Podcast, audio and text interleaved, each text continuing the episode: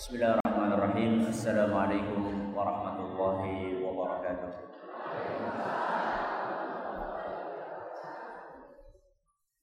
Alhamdulillah rabbil alamin. Wassalatu wassalamu ala nabiyyina Muhammadin wa ala alihi wa sahbihi ajma'in. Amma ba'd. Kita panjatkan puja dan syukur kehadirat Allah Subhanahu wa taala. Pada kesempatan pagi yang berbahagia kali ini kita kembali diberi kekuatan, kesehatan, hidayah serta taufik dari Allah Jalla wa ala. Sehingga kita bisa kembali menghadiri pengajian rutin Jumat pagi di Masjid Agung Darussalam Purbalingga. Kita berharap semoga Allah taala berkenan untuk melimpahkan kepada kita semuanya ilmu yang bermanfaat sehingga bisa kita amalkan sebagai bekal untuk menghadap kepada Allah Jalla wa ala. Amin ya rabbal alamin. Salam dan salam semoga senantiasa tercurahkan kepada junjungan kita Nabi besar Muhammad sallallahu alaihi wasallam kepada para sahabatnya, keluarganya dan umatnya yang setia mengikuti tuntunannya hingga akhir nanti. Bapak-bapak dan ibu-ibu sekalian yang kami hormati, Judul pengajian kita pada kesempatan kali ini adalah apa? Tinggal di rumah hantu. Siapa? Sinten? Panjenengan ada yang mau? Tidak ada. Yakin? Sekarang mungkin panjenengan mengatakan yakin, belum tentu nanti kalau kita bahas itu rumah jenengan itu bukan rumah hantu. Sekarang semuanya mengatakan tidak, tapi kalau misalnya nanti kita bahas, jangan-jangan selama ini kita tidak sadar bahwa rumah kita adalah rumah semua orang ketika bikin rumah pasti dia itu pengen rumahnya nyaman, tentram, ayem, damai. Itu pasti keinginan seluruh orang yang punya rumah. Hanya saja supaya mendapatkan ketenangan, ketentraman, kedamaian tersebut orang beda-beda caranya. Dan yang sangat disayangkan justru kebanyakan orang untuk mencari kenyamanan tersebut dia hanya memperhatikan hal-hal yang sifatnya duniawi, yang sifatnya materi. Kemudian melupakan inti dari ketenangan itu sendiri. Kayak apa Ustaz? Orang bikin rumah wajar, kalau misalnya dia memperhatikan ukuran rumah sehingga paling tidak ya ada berapa kamar di rumah ada kamar mandinya dan seterusnya. Bukan model R S. S bilang rumah sangat sempit sekali. Gak usah lonjor. Orang pengen rumahnya luas. Rumahnya luas, kamarnya juga. Kemudian diperhatikan ventilasinya untuk ukuran kamar sekian kali sekian meter, ventilasinya seharusnya sekian. Pencahayaannya memanfaatkan cahaya matahari dan juga lampu. Kemudian setelah rumahnya dibuat sedemikian rupa, lalu fasilitasnya jangan sampai lupa kalau tinggal di daerah yang panas maka perlu pasang AC dan sekian banyak fasilitas disediakan. Apa tidak boleh Ustaz seperti ini? Boleh. Siapa bilang tidak boleh? asalkan duitnya duit yang halal kemudian tidak berlebihan peratin kok nganggo AC. Nang peratin. Peratin kok nganggo AC, nggo ngapa? Itu namanya berle Yang bisa tuku AC, duitnya akeh. Iya, tapi kan kita kan melihat keper keperluannya.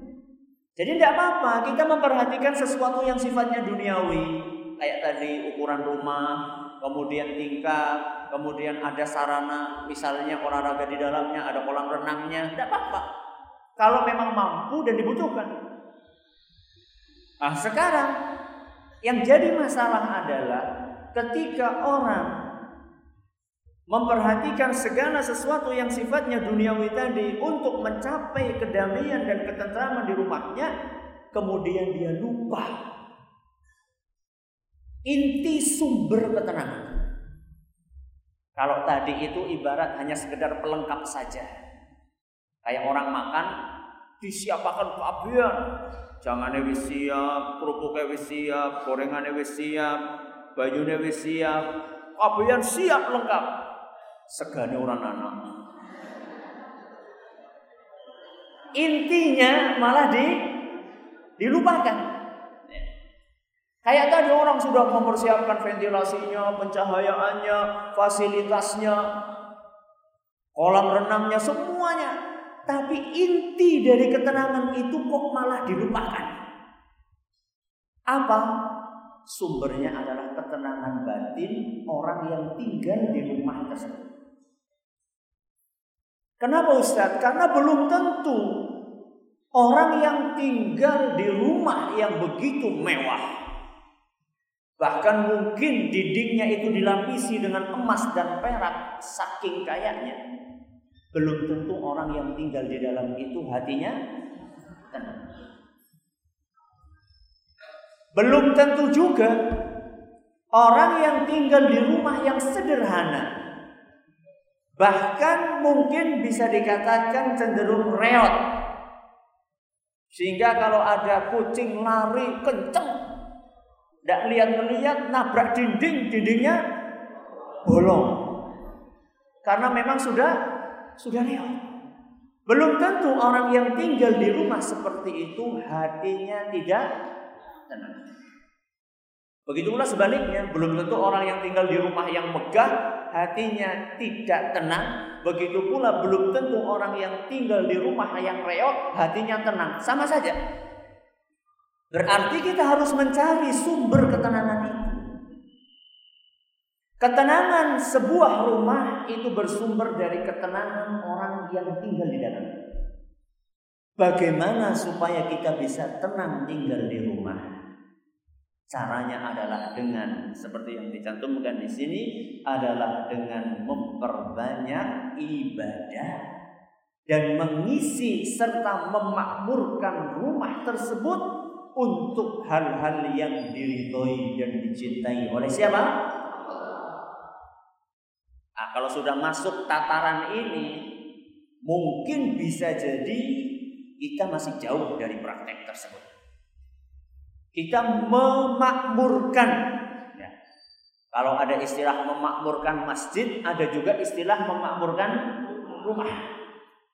Memakmurkan dengan apa? Memakmurkan dengan poin-poin yang akan saya sebutkan nanti. Ada berapa di sini? Ada empat. Ya, ada empat poin yang akan kita bahas. Seandainya empat poin ini dan yang lain-lainnya yang ada tuntunannya dari Al-Quran maupun Sunnah Nabi SAW tidak dipraktekkan, berarti rumah kita adalah rumah. Priwe, rumah hantu apa tuh? Yang pertama, supaya rumah kita tidak menjadi rumahnya setan, yang pertama adalah mengucapkan salam sebelum masuk sayang. Banyak di antara kita itu kalau salam itu saat bertamu saja. Nek arep ngone tanggane tok tok tok assalamualaikum. Nek ngone dulure tok tok tok assalamualaikum. Nek menggone umahe dewek blus. Nggih napa mboten? Umayku kok. Umay dewek dadakan salam, enggak bener. Kata Nabi sallallahu alaihi wasallam salasatun kulluhum dhaminun 'ala Allah azza wa jalla. Kata Nabi sallallahu alaihi wasallam ada tiga orang yang dijamin akan dijaga oleh Allah Subhanahu wa taala. Ada berapa? Tiga. Nabi sallallahu alaihi wasallam menyebutkan yang ketiga wa rajulun dakhala baitahu bisalam yang ketiga adalah orang yang memasuki rumahnya. Rumahnya siapa? Rumahnya sendiri dengan mengucapkan salam. Hadis riwayat Abu Dawud dan sanadnya adalah sahih oleh Imam Al Hakim dan An Nawawi menyatakan hadis ini hasan. Jadi di sini Nabi SAW mengingatkan kita supaya kita memperhatikan adab dan etika masuk rumah dengan mengucapkan salam. Sayangnya seperti yang saya katakan tadi, kita mempraktekkan ini justru ketika akan memasuki rumahnya orang lain. Sehingga orang lainnya yang dijaga sama Allah, sedangkan kita sendiri tidak dijaga. Loh Ustaz, kok orang anak kadang-kadang lebih rumah, orang anak wonge rumah, salam gue sapa. Kadang-kadang seperti itu kan. Kadang-kadang kita pertama kali pulang, nah, ibu misalnya, Bapaknya ke kantor, pulangnya nanti siang. Lalu panjenengan ke pasar. Ke pasar kan paling pulangnya jam berapa? Jam 9 paling. Berarti panjenengan masuk pertama kali ke rumah, anak-anak sekolah semuanya. Bapaknya lagi ke kantor, nggak ada siapa-siapa. Ya wis Ustaz langsung blus baik. Ngapa sih tidak salam? Apakah salam itu khusus kalau di rumah ada orang? Jawabannya tidak salam itu diucapkan entah di dalamnya ada orang atau tidak ada orang. Jadi nopo niku Al-Quran Surat An-Nur ayat 61 Surat apa? An-Nur Ayatnya pinten? 61 Kata Allah Subhanahu wa taala, "Fa idza dakhaltum buyutan fasallimu ala anfusikum." Apabila kalian memasuki rumah-rumah, maka hendaklah kalian memberi salam kepada dirimu sendiri. Berarti yang namanya salam itu tidak hanya untuk orang lain. Kita juga butuh salam. Salam sih artinya apa? Assalamualaikum. Kenapa artinya Assalamualaikum? Salam sejahtera untuk untuk kalian. Lo salam sejahtera niku dongan apa mboten? Jenengan urun didongakan ke atas niku? Masa kita cuma doakan orang lain saja? Apa kita nggak ingin doakan kita sendiri? Makanya dari ayat ini para ulama seperti Al-Imam Ibnul Arabi, Al-Qurtubi, An-Nawawi, As-Sa'di dan juga para pakar tafsir lainnya mereka menyimpulkan dari ayat ini bahwa kita itu diperintahkan untuk mengucapkan salam Entah di rumah ada orang atau tidak ada orang. Redaksinya kayak apa Ustaz? Apakah sama Assalamualaikum? Apakah sama Assalamualaikum warahmatullahi wabarakatuh? Kalau Assalamualaikum berarti kan salam sejahtera untuk kalian. Nah kita pengen kita dapat juga. Kata Ibnu Umar radhiyallahu anhu, kalau tidak ada orang, maka redaksi salamnya adalah Assalamu alaina wa ala ibadillahis salihin. Kata setengah pundi niku? Teng tahiyat. Kata setengah pundi? Kata setengah tahiyat. Assalamu alaina wa ala ibadillahis Sampun apal? Alhamdulillah. Dari apa? Wis apal dari apa? Praktek. Apal tok orang dipraktekkan gue gampang. Ya. Sudah hafal tinggal dipraktekkan. Maka nanti panjenengan G habis ini kondur sampai di rumah nggak ada orang assalamu alaina wa ala ibadillahis Nek ana sing jawab kepriwe Ustaz? Nek ana sing jawab pripun? Ya ora apa-apa. Kita kan mengucapkan salam ibadillahi salihin. Artinya hamba Allah sing soleh. Kalau dia menjawab berarti itu hamba Allah yang orang sawati. Kecuali kalau kita mengucapkan salam kepada setan pada kita nggak mengucapkan salam kepada setan, kita mengucapkan salam kepada hamba-hamba Allah yang soleh. Mungkin bisa jadi ada jin mampir mengenai jenengan, kekesalan mabur ngendi-ngendilah mampir disit.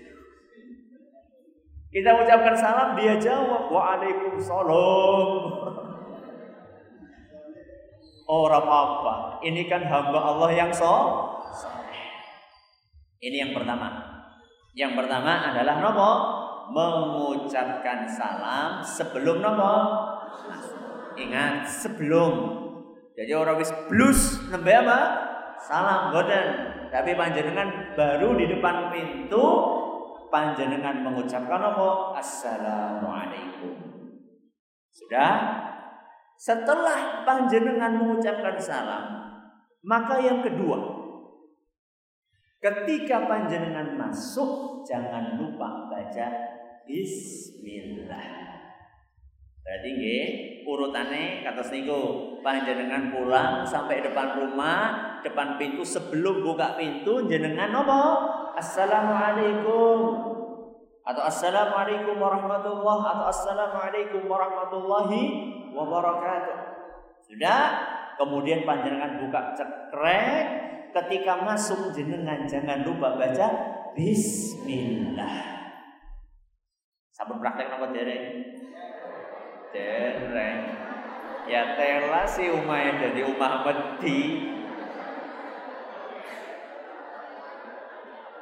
Manfaatnya apa tahu nggak panjenengan ya? Kalau kita ini mengucapkan salam, eh, mengucapkan basmalah ketika masuk rumah, manfaatnya setan orang bisa ngintil kalau kita masuk ke rumah, kita ucapkan bismillah. Qala syaitanu la mabita lakum. Kata setan kepada teman-temannya, kita nggak bisa nginep di rumah ini. Nggak bisa nginep. Karena apa? Karena sudah dibentengi oleh Allah Subhanahu wa taala dengan benteng yang begitu tebal dan kokoh sehingga setan nggak bisa masuk. Orang keton Ustaz bentengnya. Nah, ini masalahnya. Tidak setiap yang tidak terlihat itu kita tidak yakin. Ada sesuatu yang sifatnya go, gaib. Ini kalau ada dalilnya kita harus percaya. Jadi ketika kita mengucapkan bismillah masuk rumah, setan mengatakan nama bita aku. Waduh, orang bisa nginep gitu.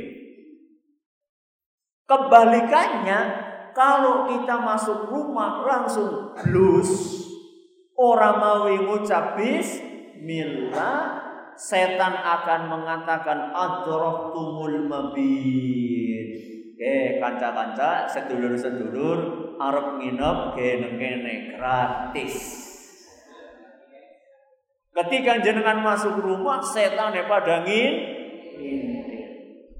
Ya Allah Ustaz, umurku sih wis 40 tahun. Saben mlebu omah orang ngucap bismillah kawit biyen, berarti setane wis pira ya. Sudah berapa setannya coba? 40 tahun. Niku sing kawan dosa. Lah sing suwidak tahun. Setane sampun pinter. Aduh kebanjur Ustaz. Priwe carane? Ada nanti kita bahas. Ya, ada nanti kita bahas. Ini kita baru bicara tentang tindakan preventif pencegahan. Nanti pengobatannya kita akan bahas. Ya. Jadi jangan lupa, ya jangan lupa. Gampang badan mengucapkan Bismillah gampang badan. Saking gampangnya. Gue masalahnya. Itu yang jadi masalah. Saking mudahnya jadi diremehkan. Ya. Minum pakai tangan kanan, gampang apa badan? Saking gampangnya jadi kebanjur nganggo tangan Makanya yang mudah-mudah itu jangan diremeh. Ini yang kedua. Mengucapkan bis biasakan putra putri jenengan. Gak cuma jenengan saja, yang tinggal di rumah kan gak cuma jenengan. Yang tinggal di rumah ada panjenengan, ada istri, ada suami, ada anak, mungkin ada mbah kakung, ada mbah putri, mungkin ada pembantu, semuanya masih kecil. Enggak apa-apa, Justru ketika masih kecil itu kita biasakan dengan kebiasaan yang baik supaya nanti terbawa sampai besar. Jadi kalau kita masuk, ya contoh saja anak-anak saya itu kalau baru pulang dari masjid dia mau masuk kok ujuk-ujuk plus, eh le mana? Mau sengaja Bismillah mau dereng, ayo metung ini, hmm. ucapkan Bismillah. Gak usah masa kayak gitu ya iya. Kita harus membiasakan anak-anak kita. Allah bisa karena nopo biasa. Oh kita kan kenapa kok kita itu suka nggak baca Bismillah? Karena kita kebiasaan nggak baca Bismillah. Sudah, ini yang keberapa, bapak-bapak, ibu-ibu? Yang kedua, yang ketiga. Kalau tadi dalilnya hadis riwayat Muslim. Yang ketiga, mengucapkan bismillah ketika menutup pintu dan juga ketika menutup perkakas rumah. Perkakas rumah itu seperti contohnya nopo ceret. Seperti nopo ceret. Panci sing wonten nopo ne isine. Kemudian wa wajan Panjenengan jangan bikin sayur banyak. Akhirnya malamnya belum habis, besoknya akan di diingat lagi atau malamnya diingat, besoknya mau dikonsumsi. Malam jangan dibiarkan ter terbuka, tapi ditutup. Dan nanti kita akan pelajari manfaatnya apa. Luar biasa manfaatnya. Ya. Pertama kita mulai dari menutup pintu rumah. Ini kalau misalnya malam-malam panjenengan terutama kalau panjenengan malam-malam sore-sore itu kan biasanya nutupi nopo? Nutupi pin, pintu dan nutupi jendela. Ben nopo? Aman, aman sekang sapa. Panjenengan kunci rumah itu supaya tidak kemasukan apa? Maling. Maling tok Maling gue setan menungsa. Nggih napa Setan jine panjenengan golek nahan pripun? Kita kan punya musuh dua. Ada setan manusia, ada setan jin. Makanya kita membaca minal jinnati wanas. Musuh kita ada dari kalangan jin, ada kalangan dari manusia. Kalau panjenengan nutup pintu cekrek cekrek cekrek cekrek itu kita menghalangi dari setan manusia. Lah setan jin pripun boleh ngalangi?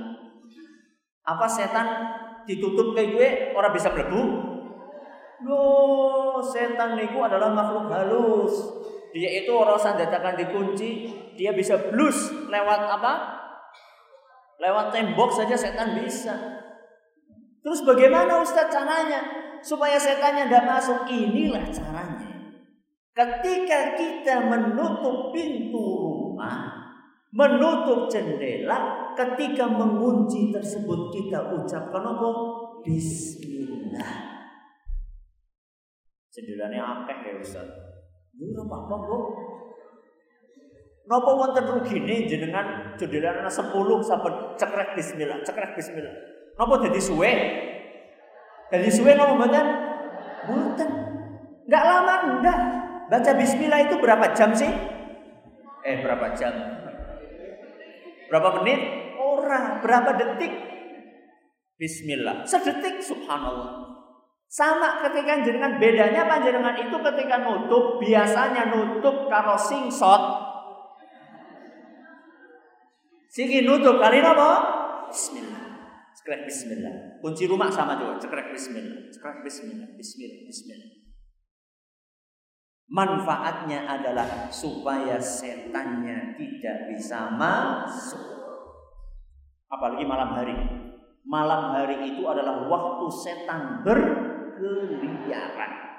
Terutama sore-sore menjelang matahari terbenam.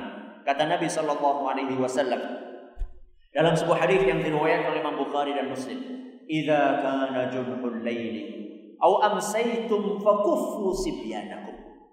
Kalau hari mulai gelap sore, maka tahanlah anak-anak kalian. Jangan biarkan anak kalian keluyuran. Kenapa? fa inna syayatina tantashiru hina idin. Karena ketika matahari terbenam setan itu pada gentayangan. Berarti mbak ya, biar bener ya. Apa? Sande. Jadi kalau panjenengan sore-sore anaknya belum pulang, panjenengan padosi no mboten? Panjenengan cari apa ndak? Nek ayame urung Bali digoleki apa ora? Masya Allah Ayam babon siji. Nganti sore urung Bali digoleti Mubeng-mubeng sedesa. Anaknya jam 5 eh, jam, jam tengah 6 urung Bali. Poran Kok jadi Bali dewek ngerti dalan iki Masya Allah. Wis gede iki ngerti jalan. Hati-hati Bapak Ibu yang hormati. Apa ndak boleh main bola? Boleh. Siapa bilang ndak boleh main bola? Tapi tahu waktu. Saya miris-miris kadang-kadang ketika berangkat ke masjid. Ya. Sekarang kan maghrib jam 6 lewat berapa? 6 lewat 5 atau 6 menit gitu ya. Ketika berangkat ke masjid menjelang azan itu anak-anak baru pulang dari baru pulang dari lapangan, belum mandi, belum apa, kemudian ngobrol, ketawa terbahak-bahak. Itu loh saat itu justru setan itu lagi gentayangan. Makanya panjenengan kalau punya anak-anak sudah masuk masa sandekala, cepet-cepet suruh pada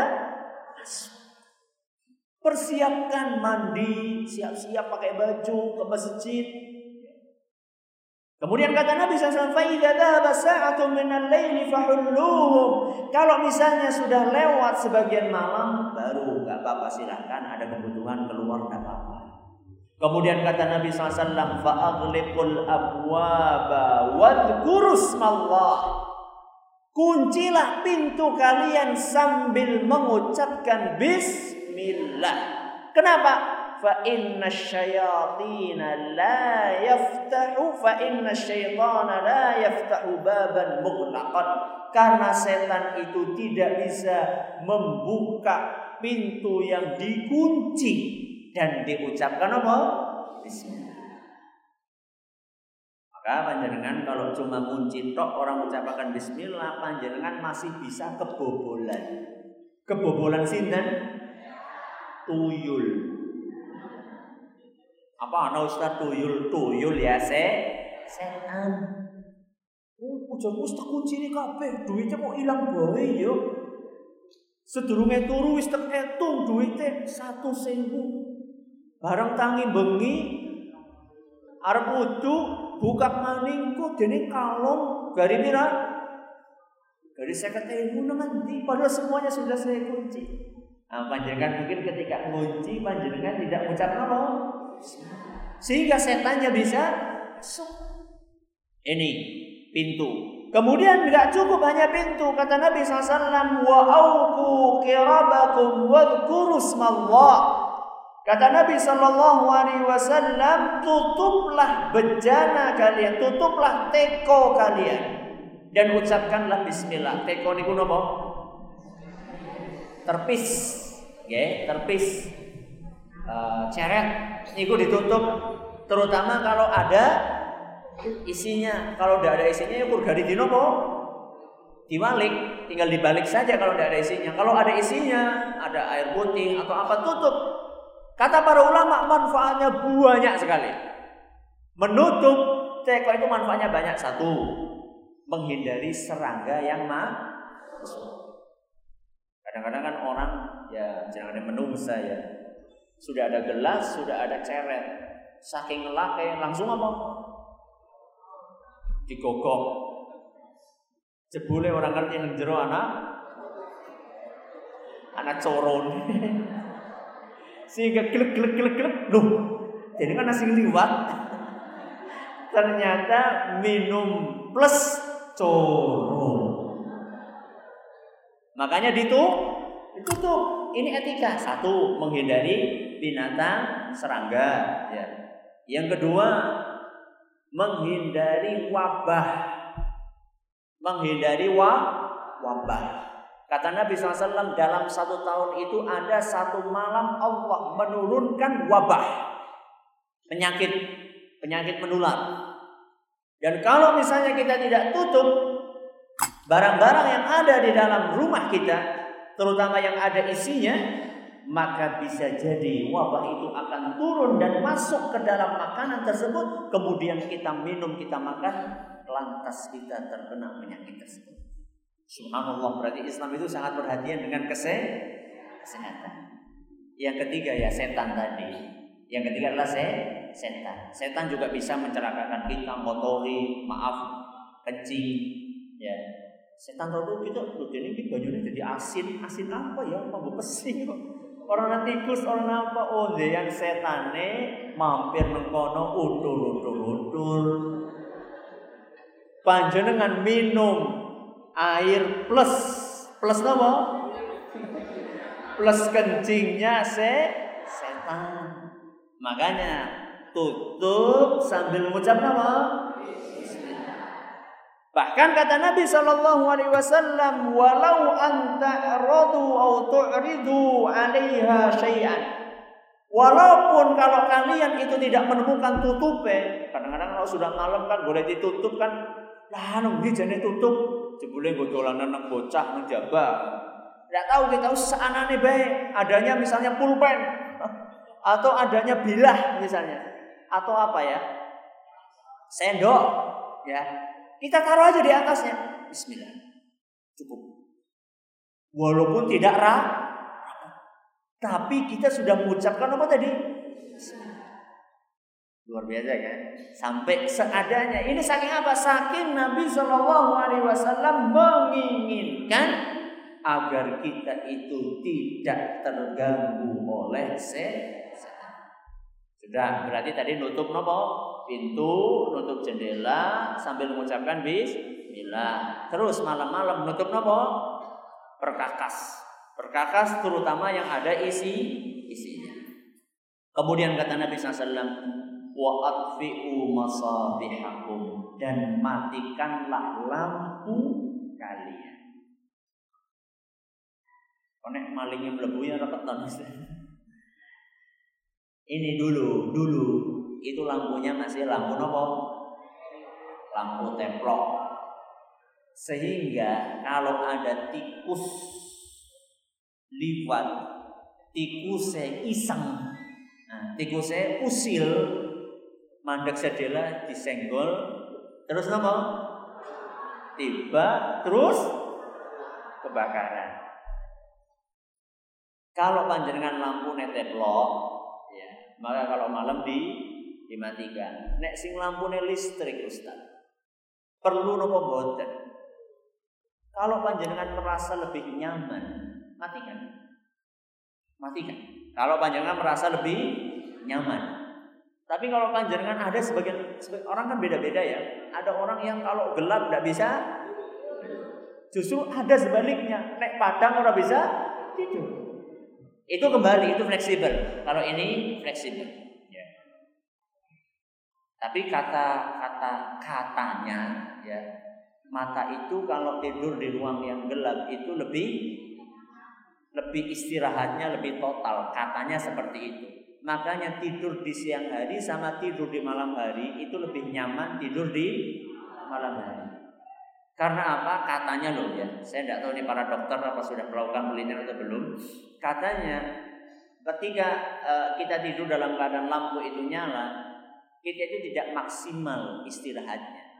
Karena masih ada beberapa saraf di dalam tubuh kita yang tetap aktif karena adanya cahaya. Kalau semuanya pet mati, ya. paling dipasangi lampu nopo, lampu tidur ya, paling lampu tidur yang biasa ditempelkan itu, itu katanya itu istirahatnya lebih lebih maksimal. Sehingga ketika bangun betul-betul bangun sudah istirahat semuanya. Katanya seperti itu. Ya. jadi ini adab-adab yang diajarkan oleh Nabi SAW nah terus Ustaz tadi katanya kita akan belajar pengobatan. Tadi preventif pencegahan ternyata kita dari dulu belum tahu sekarang baru tahu dan akan praktek insya Allah Terus bagaimana dengan rumah kita yang sudah terlanjur dimasuki oleh setan? Bagaimana cara mengusir mereka? Apa gak kudu ngundang dukun Ustaz? Jalan pintas. Jalan pintas. Apa umai ditempeli ayat kursi sing akeh Ustaz ben setane ora be ora betah? Ndak. Quran itu bukan untuk tempelan. Quran itu untuk dibaca. Kayak nang buffet kayak Qur'ane esih rapi banget, esih kinclong-kinclong. Anu biyen mahar, mahar sekarang bojoku tercinta kayak delok kayak kayak esih bersih banget. Anu ora tau diwaca. Quran bukan untuk pajangan, Quran bukan untuk hiasan di dinding. Quran itu untuk dibaca. Bagaimana caranya supaya rumah kita menjadi rumah yang tidak menjadi tempat betahnya setan? Caranya adalah dengan yang keempat memakmurkan rumah dengan ibadah dan membaca Al-Qur'an. Rumahnya jenengan itu sering-sering dibacakan Al-Qur'an. Sebagian orang di rumahnya itu tidak ada suara Quran kecuali nek anak sing meninggal. Mungkin jadi anak maca Quran, oh anak sing mati. Jadi Quran itu dijadikan sebagai tanda wong mati. Astagfirullahaladzim teman. Ya. Berarti nek pada nenek rumah gue orang asing mati kecuali 10 tahun ping siji, berarti boleh maca Quran iya. 10 tahun kurbi Enggak, tiap hari kita makmurkan rumah kita. Kata Nabi sallallahu alaihi wasallam, "Inna Allah kataba kitaban qabla an yakhluqa as-samawati wal arda bi alfi am." Sesungguhnya Allah Subhanahu wa taala telah menulis kitab 2000 tahun sebelum diciptakannya langit dan bumi. Anzala minha ayatain. Dari kitab itu Allah Subhanahu wa taala menurunkan dua ayat khatama bihima surat al-Baqarah yang dua ayat itu merupakan tutup dari surat Al-Baqarah. Akhirnya surat Al-Baqarah. Dua ayat terakhir surat Al-Baqarah. Ayat pinten? Surat Al-Baqarah niku pinten ayat? Aduh, urung ngedung Ustaz. Al-Fatihah pinten ayat? Tujuh, alhamdulillah. Nah, orang ngerti juga kebangetan. Al-Baqarah itu 286 ayat. Berarti kalau dua ayat terakhir ayat yang berapa? 285 dan 286. Sampun apal. Amanar Rasuluh niku awalnya Terusane Engkau ngapal di situ Ustaz. Amana Rasul bima unsila ilaihi min rabbih wal kullun amana billahi wa malaikatihi wa kutubihi wa rusulihi. La nufarriqu baina ahadin min rusulihi وقالوا سمعنا وأطعنا غفرانك ربنا وإليك المصير. لا يكلف الله نفسا إلا وسعها لها ما كسبت وعليها ما اكتسبت. ربنا لا تؤاخذنا إن نسينا أو أخطأنا. ربنا ولا تحمل علينا إصرا كما حملته على الذين من قبلنا. ربنا ولا تحملنا ما لا طاقة لنا به. واعف عنا واغفر لنا وارحمنا. أنت مولانا. fansurna 'alal qaumil kafirin. Sudah hafal ya? Alhamdulillah. Khasiate nopo Ustaz? Khasiat dua ayat niki nopo? Antara lain la yuqra'ani fi darin thalatha layalin fayaqrabuha syaitan. Khasiat dua ayat ini kata Nabi sallallahu kalau dibaca di sebuah rumah tiga malam berturut-turut setan orang merah. Setan orang doyan demit orang Hadis riwayat At-Tirmidzi dan dinyatakan sahih oleh Al-Hakim dan Al-Albani. Jadi yang sudah kita hafal ini ternyata khasiatnya luar biasa.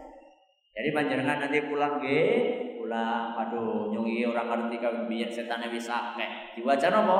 Ayat dua ayat terakhir surah Al-Baqarah dibaca berapa malam? Tiga malam berturut-turut. Berarti nek wis turun bengi wis ya ora, bukan itu maksudnya. Maksudnya ini adalah motivasi dari Nabi SAW supaya kita memperbanyak membaca Al-Quran. Terutama membaca surat Al-Baqarah. Kata Nabi Shallallahu Alaihi Wasallam, la taj'alu buyutakum maqabira.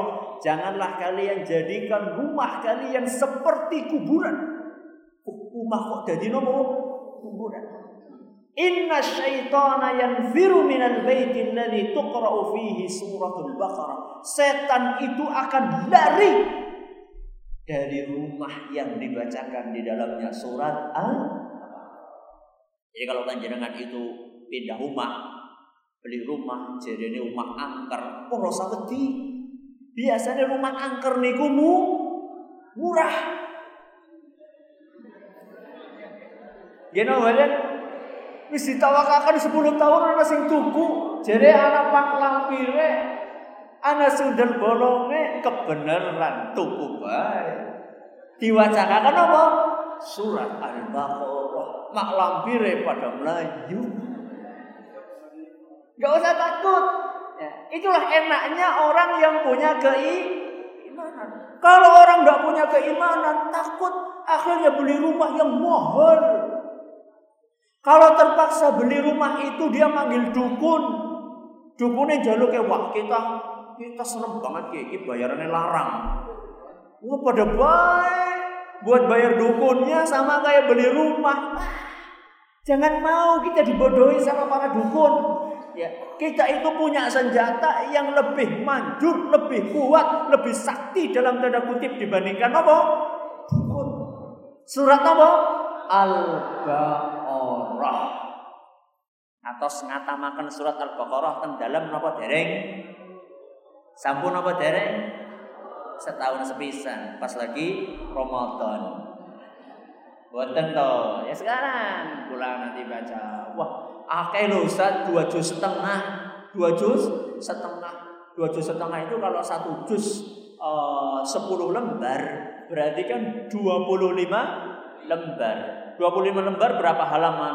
50 halaman. Ya kesel Ustaz. Tidak harus sekali duduk khatam tidak harus.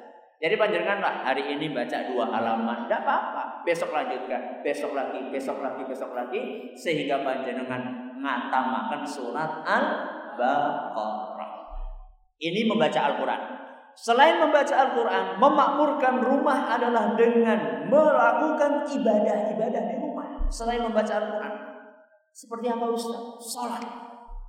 Seperti apa? Salat. Kata Nabi Shallallahu Alaihi Wasallam, ij'alu fi buyutikum min salatikum. Lakukanlah sebagian solat kalian di rumah. Sebagian so, solat di rumah.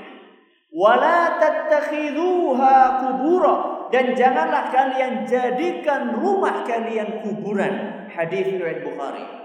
Jadi rumah yang tidak pernah dipakai untuk ibadah itu adalah seperti nopo kuburan.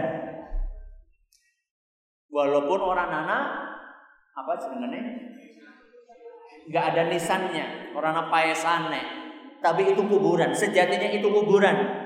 Rumahnya hantu, rumahnya setan. Ya. Salat nopo Ustaz? Kata Nabi Shallallahu alaihi wasallam yang dimaksud adalah salat sunnah. Sebagaimana dalam hadis riwayat Ibnu Khuzaimah dalam sahihnya. Kata Nabi SAW, khairu salatil mar'i fi baitihi illa maktubah. Sebaik-baik solat seseorang, solat yang paling baik yang dilakukan oleh seseorang adalah solat yang dilakukan di rumah. Kecuali solat wajib. Oke, okay. Jangan harus guys bareng ngaji ge yo jamaah nang omah yuk. Nah, panjenengan bapak-bapak itu ke mana? Masjid. Ibu-ibu di rumah boleh lebih baik di rumah. Kalau mau ke masjid juga boleh. Yang jelas jangan sampai rumah kita itu tidak pernah dipakai untuk sholat. Sholat apa sunnah? Banyak. Sholat apa? Tahajud. Apa mana? Duha. Terus?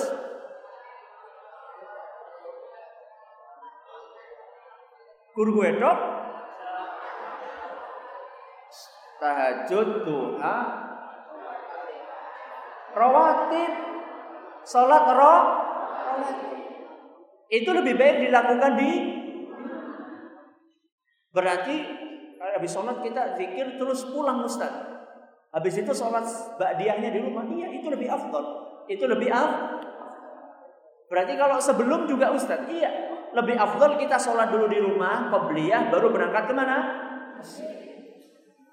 Lah nek kok jadi ketinggalan ke priwe. Nah, Kan biasanya kan rumah kita mungkin jaraknya agak nomo, agak jauh. Terus jarak antara komat dengan azan itu biasanya cepat. Kalau seperti itu bagaimana Ustaz? Kalau seperti itu ya sebaiknya dilakukan di mana? Di masjid. Kenapa? Ngoyok sing wajib. Nah, kalau tadi kan hukumnya nopo? Sunnah. Sama saja kalau misalnya kita uh, habis sholat, habis sholat kita biasanya kalau pulang ke rumah kelalen. Karena begitu sampai rumah pegawai ini ini ini, ini. akhirnya malah orang sholat dia. Kalau seperti itu juga sebaiknya dilakukan di mana? Di masjid supaya tidak lu. Tapi kalau panjenengan emut-emut itu lebih baik dilakukan di mana? Di rumah. Sudah. Dari tadi ya kita tahu bahwa rumah itu adalah tempat untuk baca Quran, untuk sholat dan seterusnya. Berarti nek unen unine suara yang ada di rumah kita itu bukan itu. Saben dina sing disetel campur Nek boten campur sari nopo? Iwak peye. Nek boten iwak peye kucing barong. Kalau panjenengan rumah yang jenengan isinya seperti itu berarti rumah yang jenengan itu rumah hantu. Ya Allah Ustaz, berarti dibersihkan. Iya, bersihkan rumah jenengan. Bersihkan rumah jenengan. Sekarang jenengan ganti dengan Al-Quran, pengajian, zikir. Sehingga rumah jenengan itu tentrem, ayam, Kenapa? Karena suara-suara itu adalah suara-suara setan.